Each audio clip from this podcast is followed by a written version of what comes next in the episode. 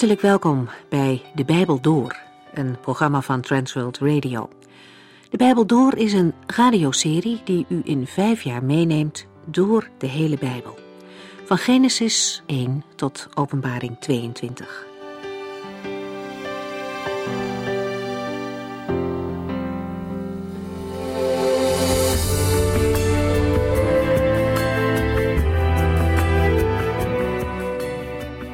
In de vorige studie van de Bijbel door kwamen we bij een bijzonder moment voor het volk Israël.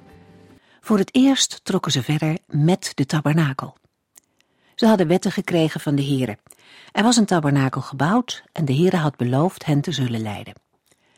En toen kwam het moment dat de Here hen liet weten dat ze verder moesten gaan.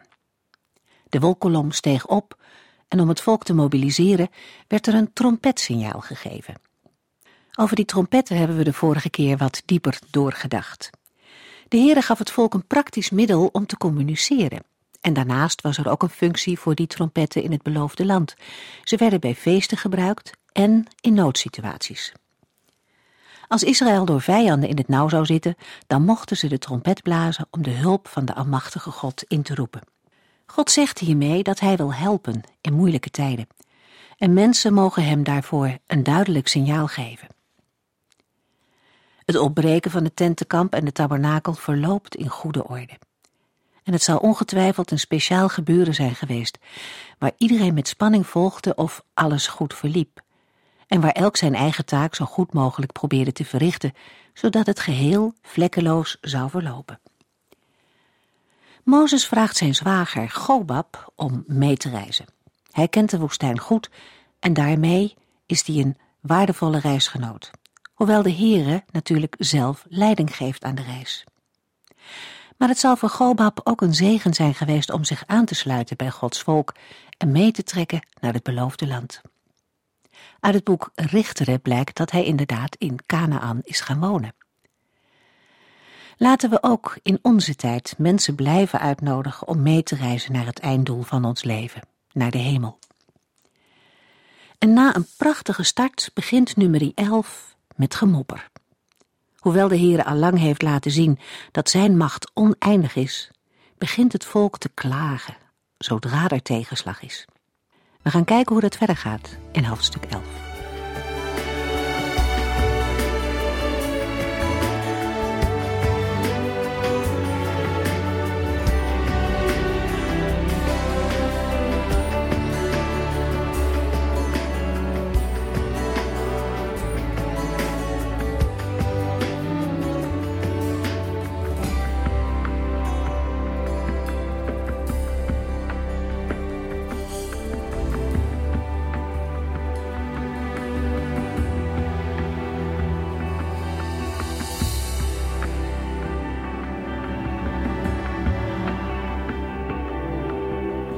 In de vorige uitzending hebben we gelezen dat het volk Israël aan het klagen is over allerlei tegenslagen.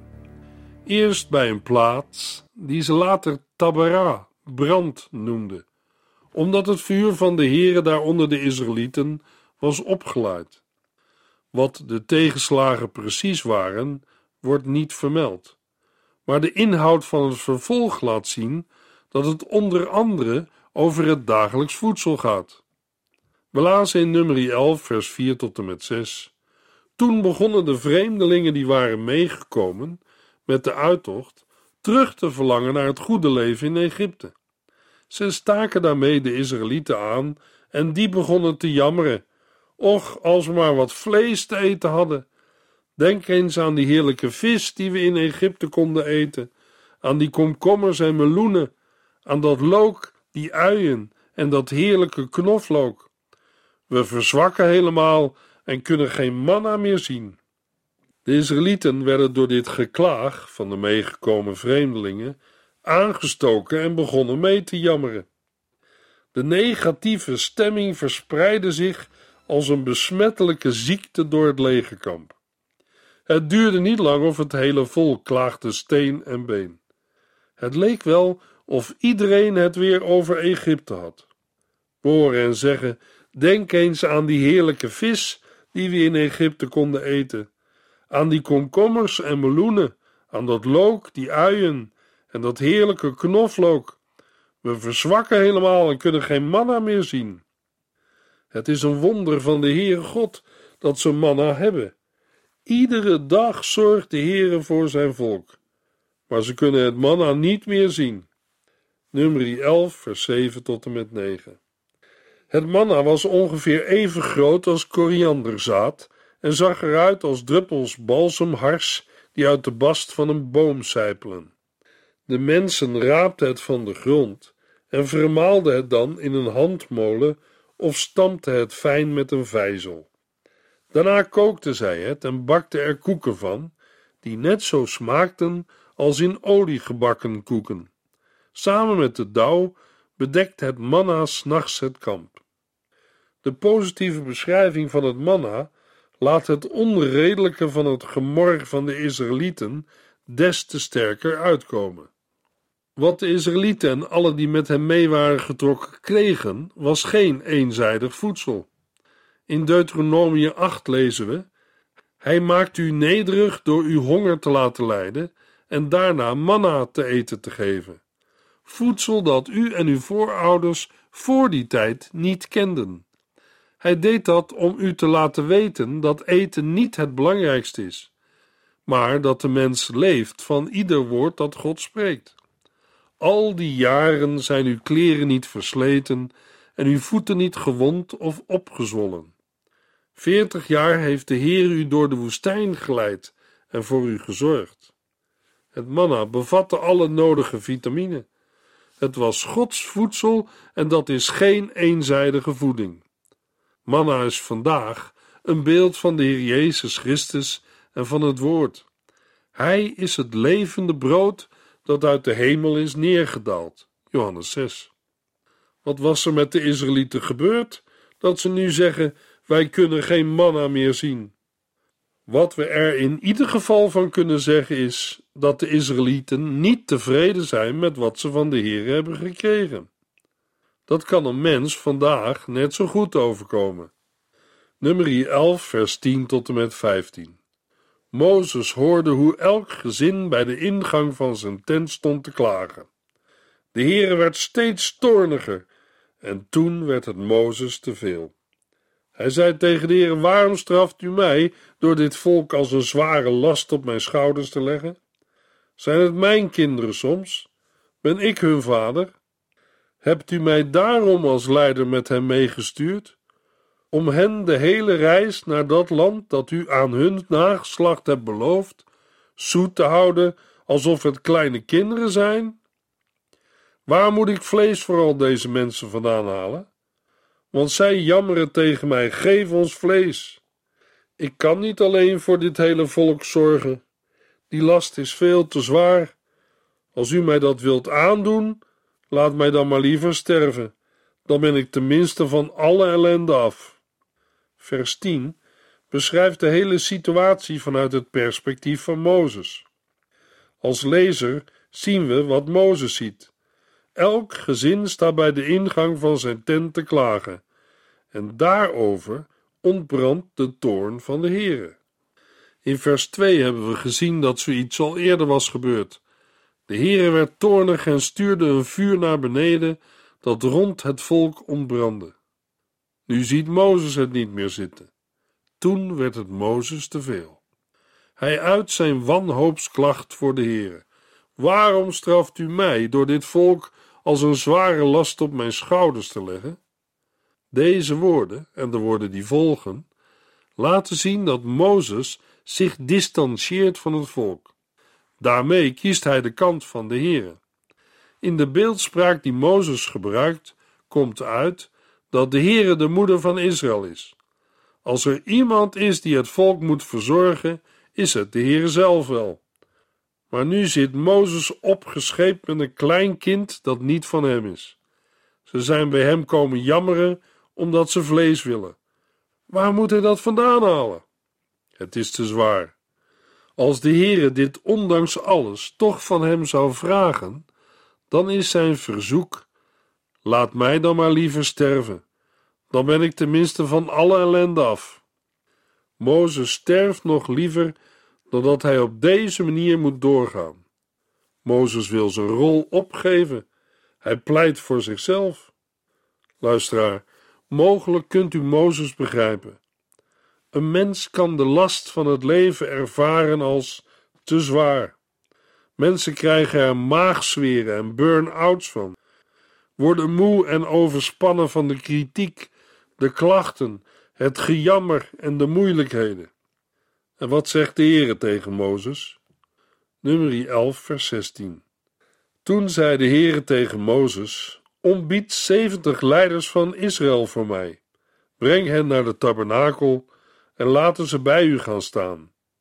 De Heere antwoordt Mozes op beide klachten, zowel over de zwaarte van het leiderschap als over de vraag naar vlees.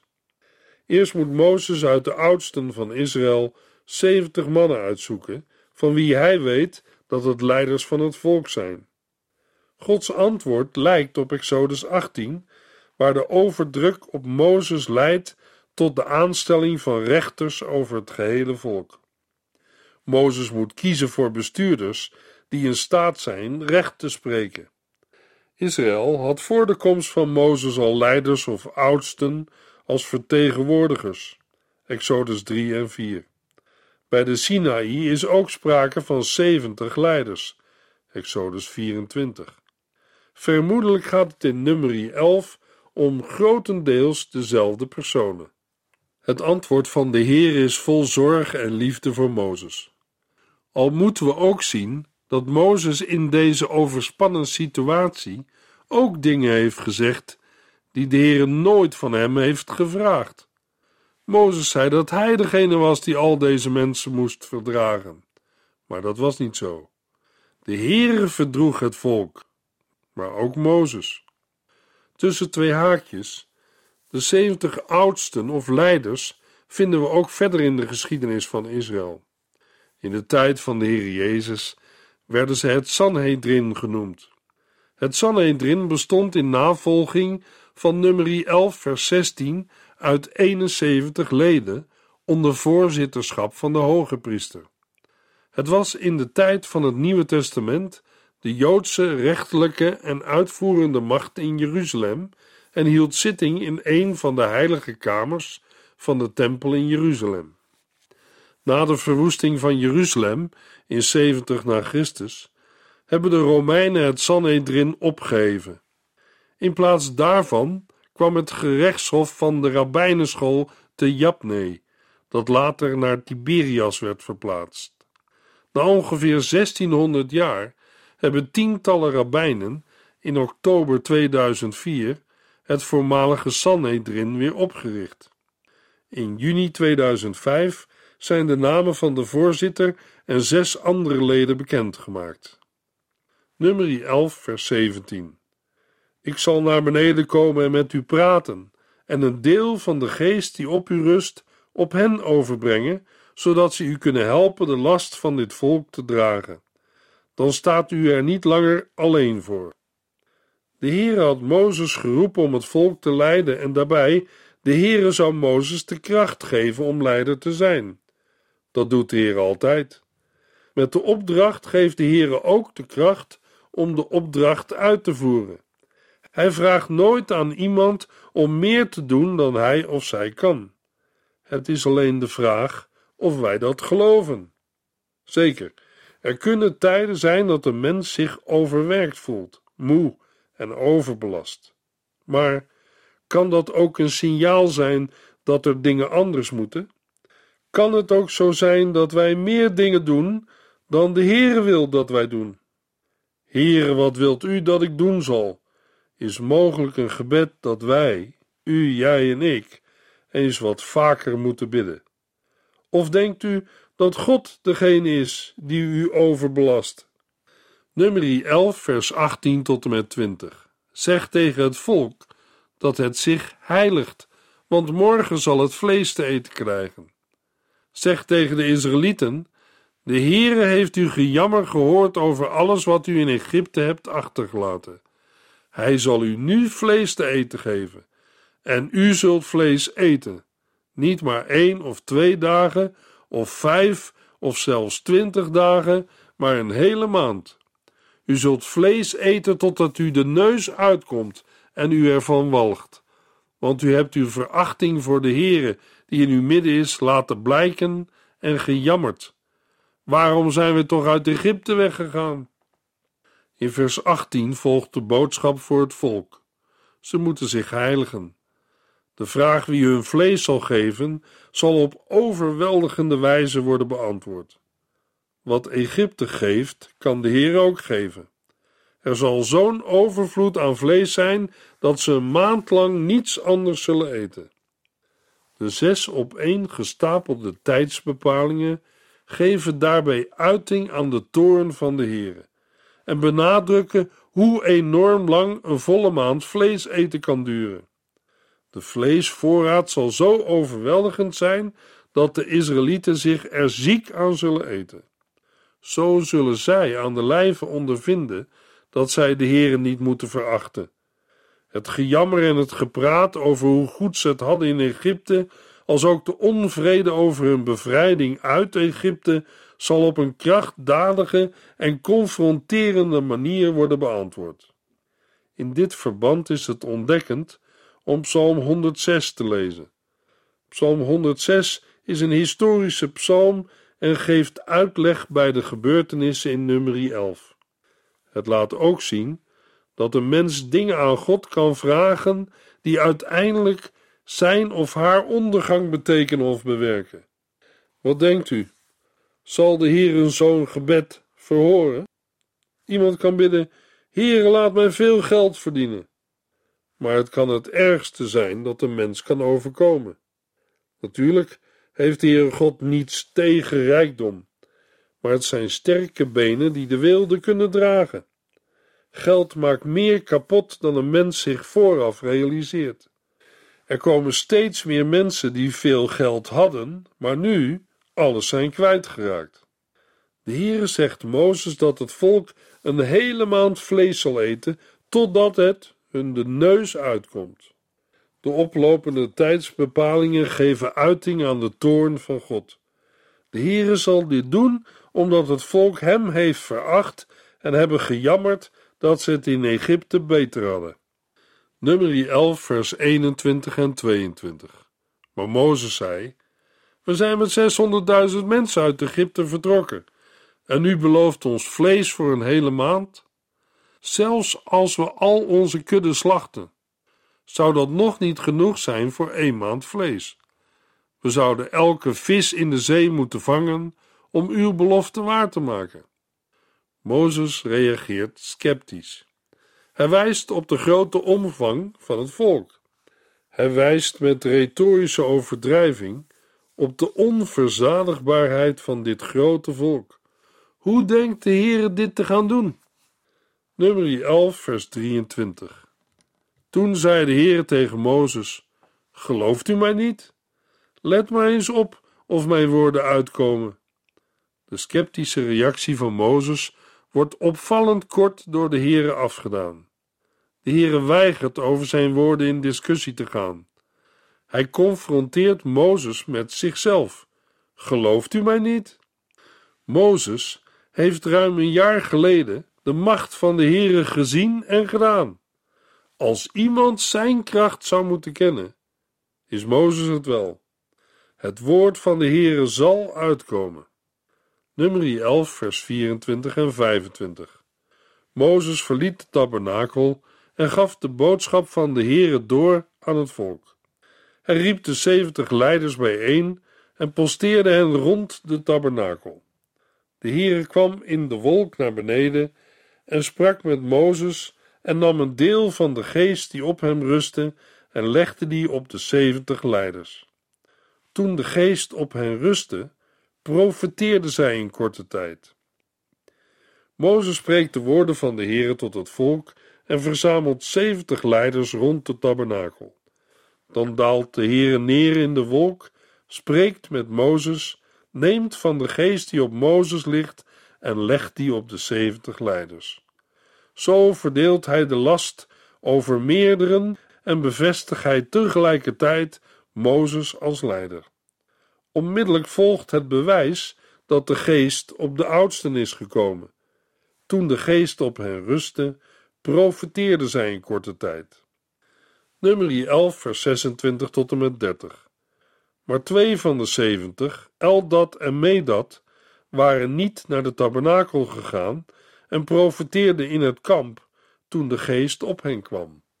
Een jonge man rende daarop naar Mozes en vertelde hem wat in het kamp gebeurde.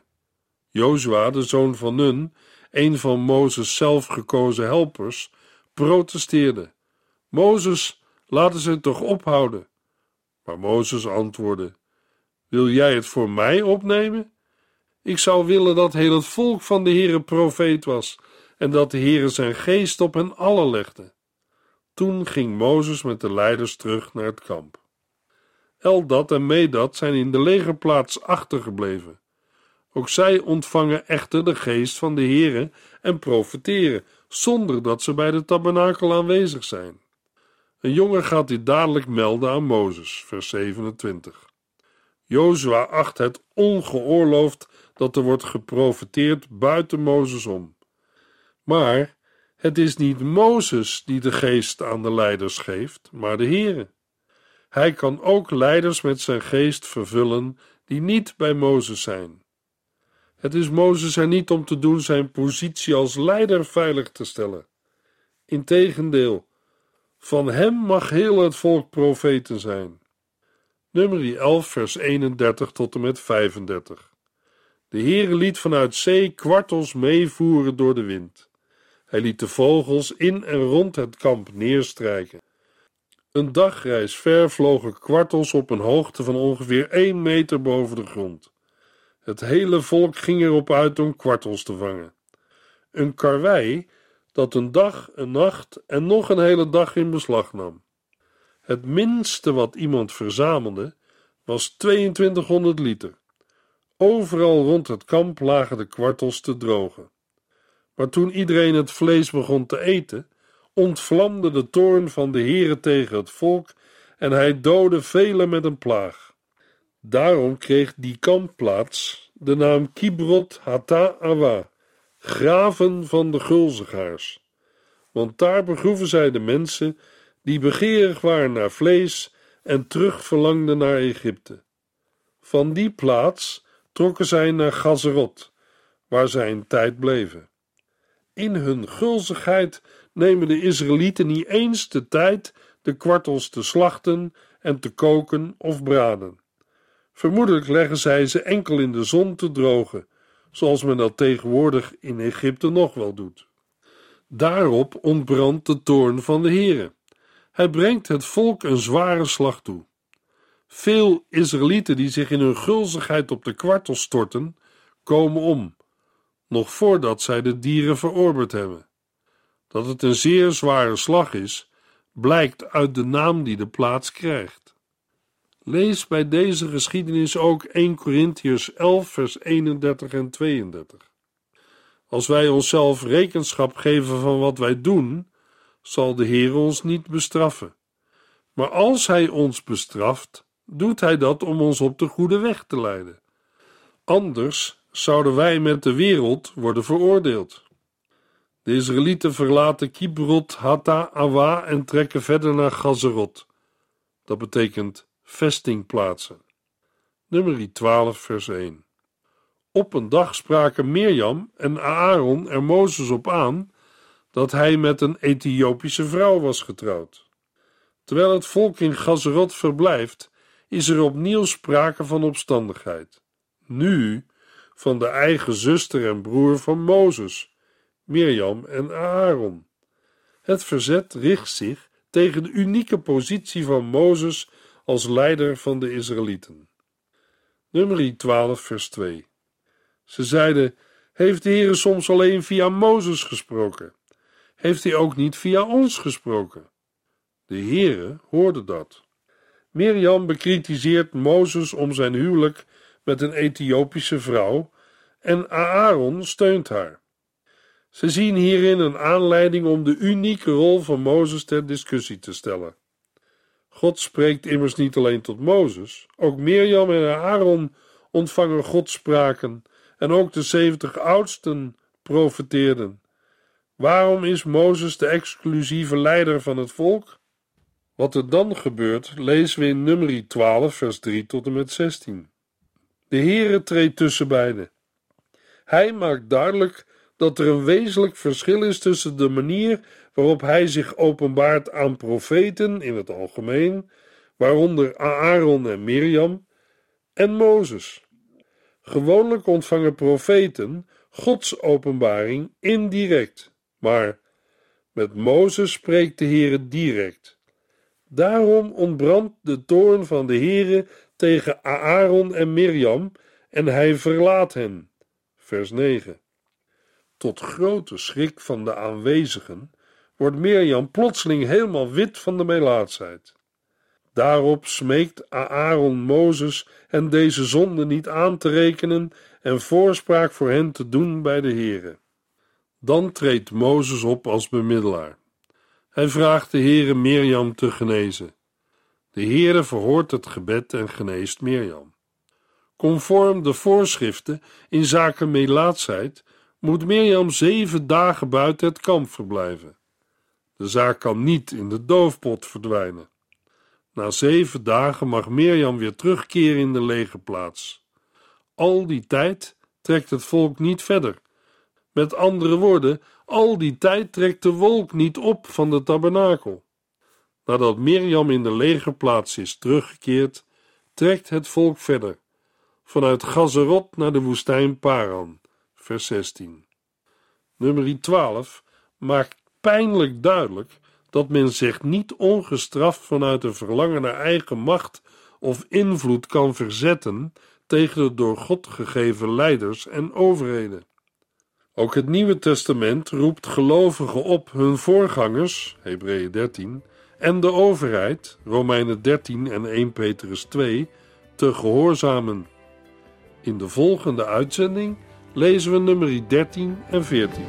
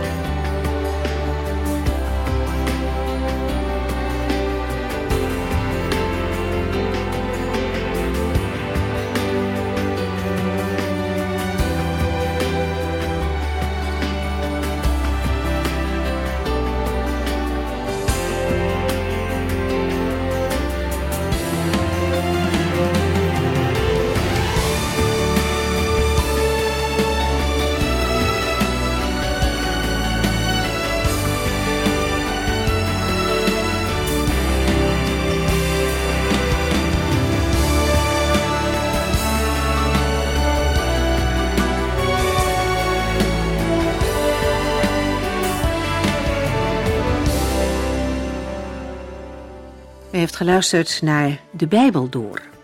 In het Nederlands vertaald en bewerkt door Transworld Radio. Een programma waarin we in vijf jaar tijd de hele Bijbel doorgaan. Als u wilt reageren op deze uitzending of u heeft vragen, dan kunt u contact met ons opnemen. Tijdens kantooruren kunt u bellen op 0342 47 8432. 0342 47 8432. 32. Ook kunt u een e-mail sturen naar de Bijbel door transworldradio.nl en natuurlijk kunt u ook via de post ons bereiken. TWR, postbus 371, postcode 3770, AJ in Barneveld. Dit programma werd gepresenteerd door Cor Weda en Ike André. Techniek was in handen van Odin van Woerdekom. En wij allemaal bedanken u voor het luisteren. Graag tot de volgende keer.